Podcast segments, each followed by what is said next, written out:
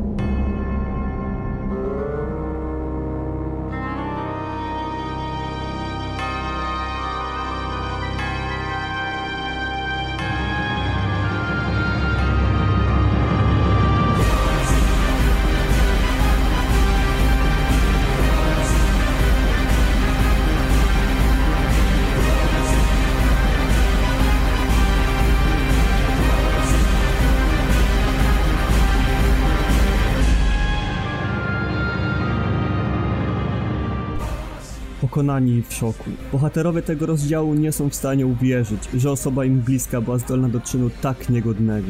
Teraz jednak nie czas na rozmyślania nad tym, co się stało. Trzeba działać szybko i skutecznie. Na świecie zostały tylko dwie pieczęci, które trzeba obronić. Kaim, Verdelej, Leonard, Czerwony Smok postawili wszystko na jedną kartę. Postanowili udać się wprost w głąb terytorium Imperium i pomóc armii Unii w walce z tymi, którzy planują zniszczyć świat. Mieli cichą nadzieję, że ta przegrana powstrzyma Imperium na jakiś czas, aż uformują lepszy plan albo zdobędą jakiekolwiek posiłki, które pomogłyby im w tym trudnym zadaniu.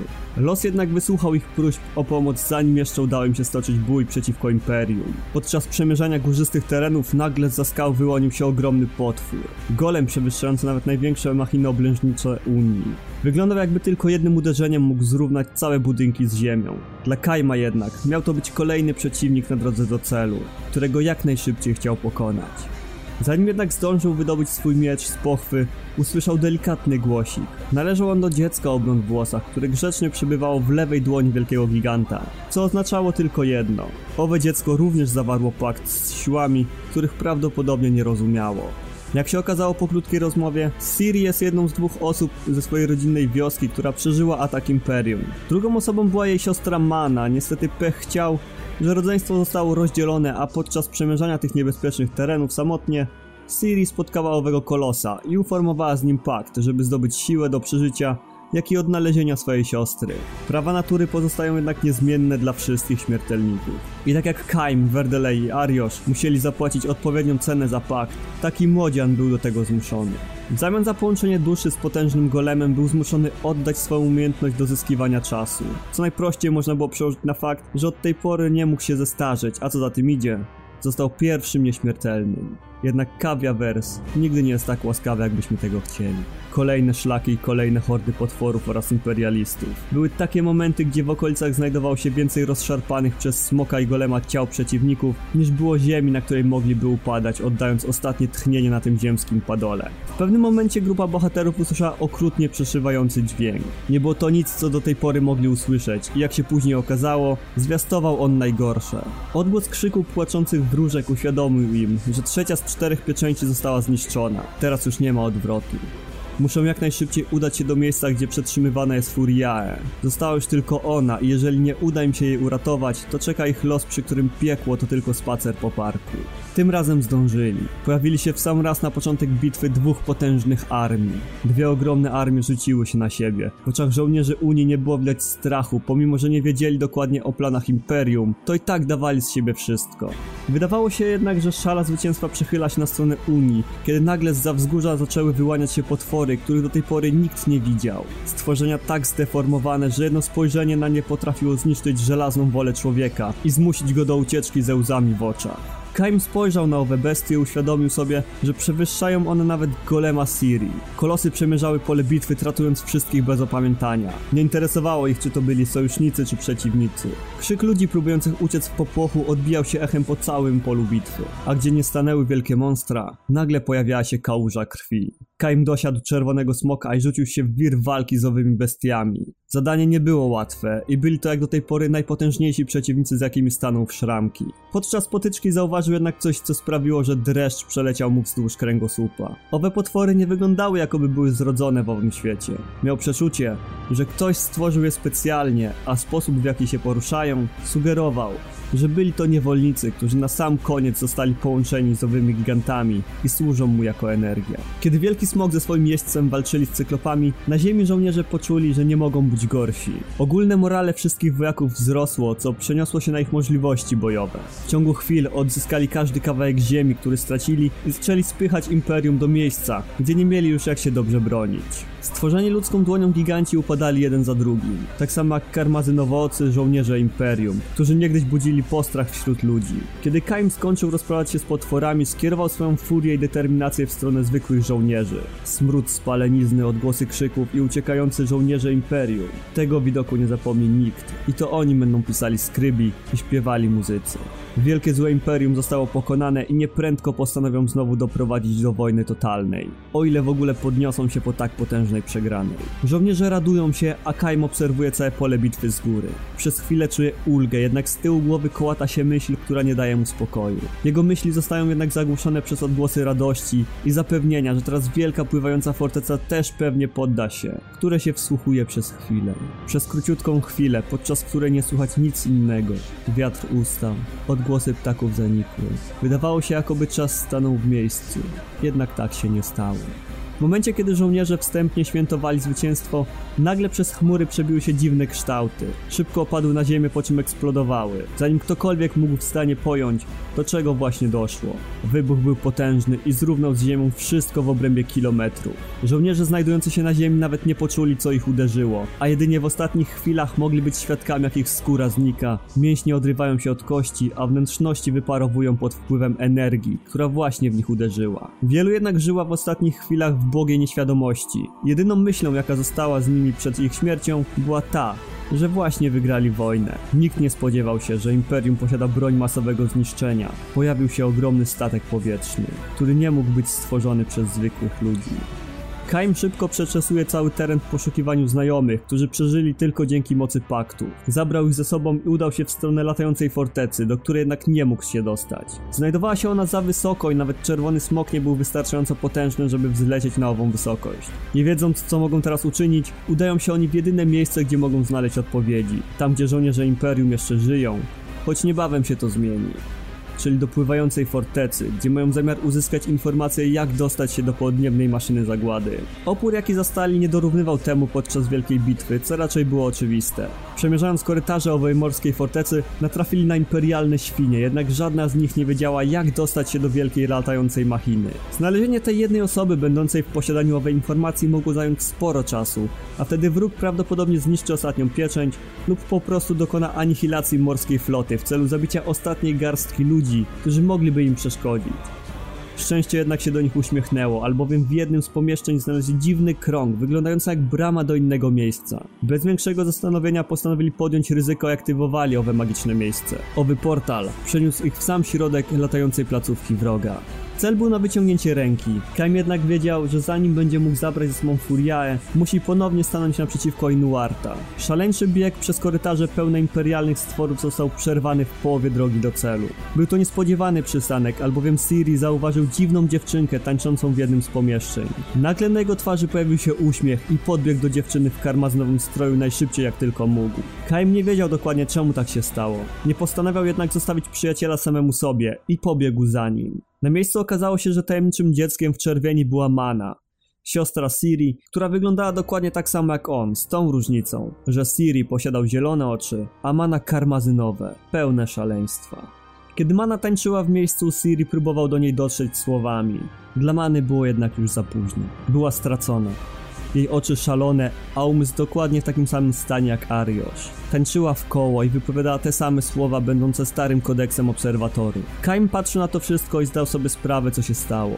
Wiedział, że sytuacja może wyglądać dokładnie tak samo kiedy spotka Inuarta. Nie chciał, żeby do tego doszło więc postanowił pomóc Siri w dotarciu do jedynego członka rodziny, jaki mu został. Zanim jednak zdążył się odezwać, golem Siri jednym uderzeniem wbił manę w podłogę. Kiedy zabierał rękę, jedyne co zostało to groteskowo połamane ciało, z którego wnętrzności wylewały się jak zupa z talerza, kiedy nalejemy do niej za dużo. Leonard podszedł do Siri z zamysłem podniesienia na duchu młodziana. Niestety owa chwila nie była im dana, ponieważ w momencie, kiedy mana rozstała się ze światem, wielka forteca zaczęła trząść się i rozpadać. Leonard szybko chwycił młodziana i razem z Kaimem i Ariosz zaczęli szaleńczy bieg. Kierowali się do domniemanego pokoju, gdzie znajdowała się Furia i Inuard. Jednak nie zdążyli. Podłoga pod nimi zapadła się, a oni znaleźli się na zewnątrz fortecy, spadając w dół. Gdyby Kaim zawarł pakt z innym stworzeniem niż Czerwony Smok, teraz ich historia prawdopodobnie by się zakończyła. Jednak owa bestia umiała latać i bez trudu złapała swoich kompanów, po czym oddaliła się na bezpieczną odległość. A Kaim Mógł jedynie patrzeć na rozpadającą się fortecę i wyobrażać sobie, co teraz się dzieje z Furiae, jego siostrą, dla której śmierć okazała się wybawieniem. Albowiem dokładnie w tej samej chwili, kiedy zamek zaczynał się rozpadać, Inuart próbował siłą posiąść Furiae, krzycząc jej w twarz, że zawarł pakt ze smokiem dla niej, jak to był w niej zakochany od dawna i chciał stać się dla niej silny. Dla niej nie miało to jednak znaczenia. Jedyną osobą, którą kochała był jej brat Kaim i to z nim chciała dzielić łoże. A teraz odchodzi ona z tego świata nie wiedząc, co dokładnie dzieje się z osobą, która skradła jej serce. Kaim i reszta patrzyli jak świat zmienia się dookoła nich. Ostatnia pieczęć została zniszczona i teraz nasiona destrukcji ponownie pojawią się na ziemi.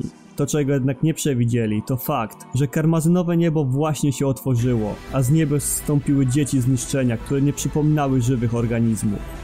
Rozpieszchły się po świecie i zaczęły niszczyć wszystko na swojej drodze. Czerwony smok wiedział, że nie mają szans w starciu powietrznym z nimi.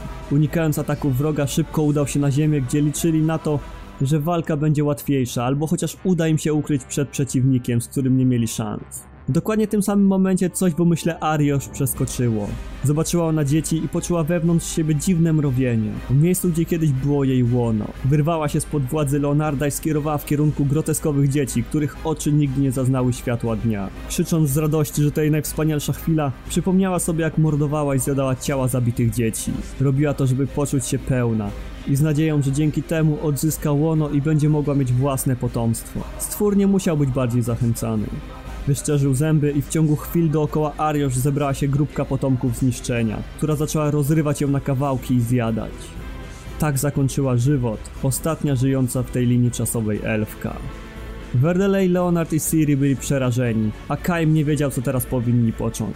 Odgłosy pożywiających się ciałem ludzkim stworów przemierzały okolice, która była udekorowana zniszczoną fortecą, ciałami poległych i kilkoma martwymi dziećmi apokalipsy, które udało się zabić Kaimowi.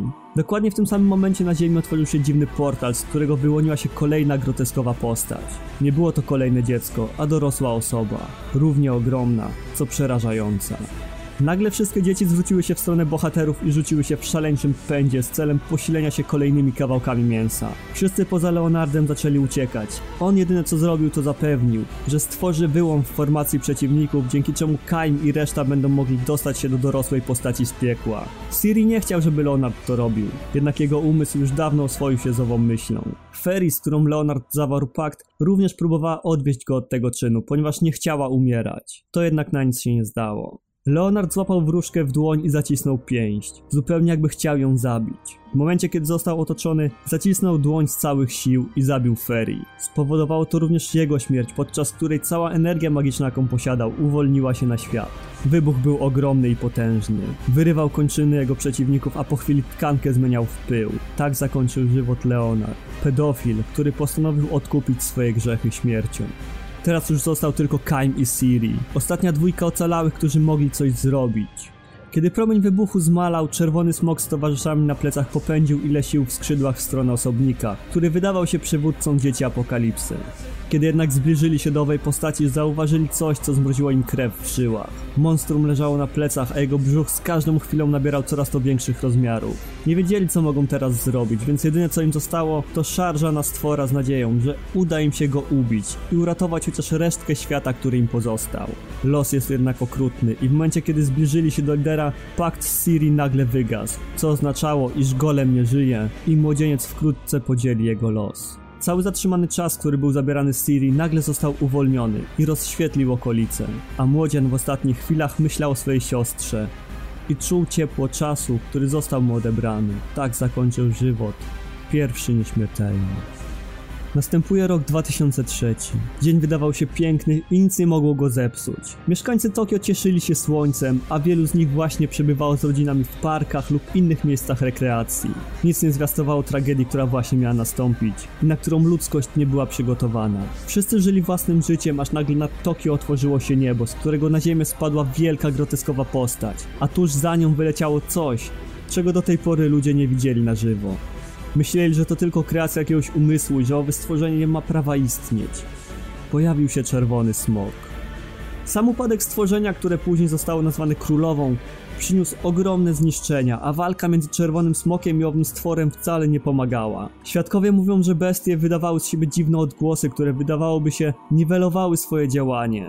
Wszystko skończyło się jednak nagle, kiedy wielka groteskowa postać przypominająca człowieka eksplodowała. Ciecz z jej ciała pokryła przy tym znaczącą część terenu, a wszystko inne, co nie zmieniło się w nią, było porozrzucane dookoła, a czerwony smok obserwował to wszystko z bezpiecznej odległości.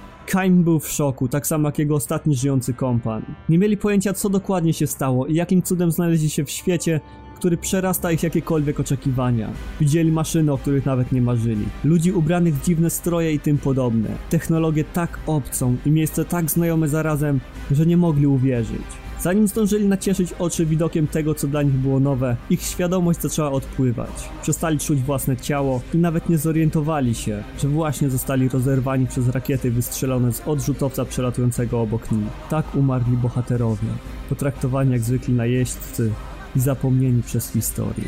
Rząd próbował zatuszować całą sprawę w celu uniknięcia ogólnej histerii i anarchii. Jednak ich próby były daremne. Internet zalewały zdjęcia i filmiki pokazujące owe zdarzenie i rozpad ciała groteskowego potwora.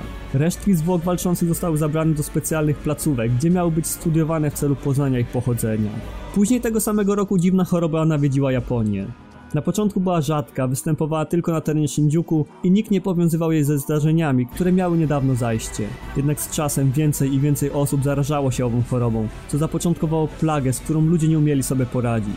Ciała zarażonych zamieniały się w sól i rozpadały tak jak to było w przypadku groteskowego potwora, kajma i czerwonego smoka. Niektórzy jednak byli odporni na ową chorobę, ale wśród nich zaczęła następować psychoza, doprowadzająca ich do szaleństwa. Największe umysły świata nie umiały wytłumaczyć, co powoduje ową chorobę i ostatecznie uznali, że najprostszym rozwiązaniem będzie sklasyfikowanie tego jako choroby po zetknięciu z dziwną substancją. To jednak nie było przyczyną. Choroba posiadała zupełnie inne, głębsze podłoże. Pierwszy raz znany nam świat spotkał się z magią, co spowodowało dziwne zachwianie we wszechświecie. Każdy zarażony niebezpieczną chorobą nie umierał od niej, a sam wybierał owy los. Powód był prosty. Zarażeni byli stawiani przed Bogiem i musieli wybrać, czy chcą umrzeć, co doprowadzało do rozpadu ciała, czy żyć i zostać pustą skorupą, która będzie używana wbrew ich woli. W kolejnych latach rząd postanowił zapobiec rozprzestrzenianiu się choroby na dalsze rejony Japonii. Zamierzali oni stworzyć specjalne getto obudowane dookoła murem na terenie Shinjuku. Sytuacja była napięta i prawdopodobnie gdyby nie atak wymierzony przez zarażonych nową chorobą, to mur nigdy by nie powstał. W międzyczasie rząd dalej badał ciała obcych stworzeń i próbował znaleźć szczepionkę na chorobę, której nie dało się uleczyć. Komunikacja między tymi wewnątrz getta a resztą świata odbywała się wyłącznie za pomocą internetu. Naukowcy, którzy postanowili dobrowolnie pracować wewnątrz murów, nazywanych murami Jericho, byli uznawani za bohaterów. Każdy z nich miał swoje miejsce na specjalnej tablicy bohaterów, która zdobiła panoramę Tokio, a znalezienie się na niej było największym możliwym honorem. Niestety pewnego dnia transmisje ustały a ostatnią zarejestrowaną wiadomością z wnętrza getta było wideo, na którym naukowcy błagali o pomoc. Nagranie zakończyło się odgłosem okrutnej bestii pojawiającej się znikąd i śmiercią bohaterów, którzy pracowali wewnątrz muru. Nastaje rok 2006. Nieznana nikomu organizacja szturmem postanowiła odbić placówki badawcze wewnątrz muru, w której były przetrzymywane resztki ciała czerwonego smoka i dziwnego jeźdźca. Rok później satelity rządowe przekazują obraz pokazujący pojawienie się dziwnych czarnych plam na terenie Shinjuku. Nikt nie wiedział czym jest owe zjawisko i nawet nie chcieli się nad nim zastanawiać, albowiem jak szybko się pojawiło, tak szybko zniknęło. W 2009 roku dochodzi czegoś, na co ludzkość nie była gotowa. Mur Jericho zostaje zniszczony od środka przez nieznanych sprawców. Siły rządowe pojawiają się na miejscu zdarzenia w celu zatrzymania zarażonych, którzy mogliby się starać uciec z Shinjuku. To, co jednak zastają, to dziwne dźwięki, przypominające te, kiedy z nieba zstąpiły obce stworzenia oraz widok hordy wściekłych potworów, z którymi nigdy nie mieli do czynienia. Owa horda rzuciła się w szaleńczym pęcie poza mury Jericho i mordowała wszystko, co stanęło jej na drodze. Legion, bo tak od teraz nazywano szalone zbiorowisko dziwnych stworów, było kierowane przez postać nazywaną Czerwonookim. Był to też moment, kiedy plaga wydostała się poza granicę Shinjuku. Ludzi zaczynało ubywać, a demonów w Legionie przybywać. Każdy, kto odrzucał Boga, umierał, a ten, kto go akceptował, stawał się częścią Legionu. Tego faktu naukowcy nie wiedzieli i dalej badali dziwną chorobę oraz starali się dowiedzieć, kim był lider Legionu. Tego jednak nie udaje im się dowiedzieć.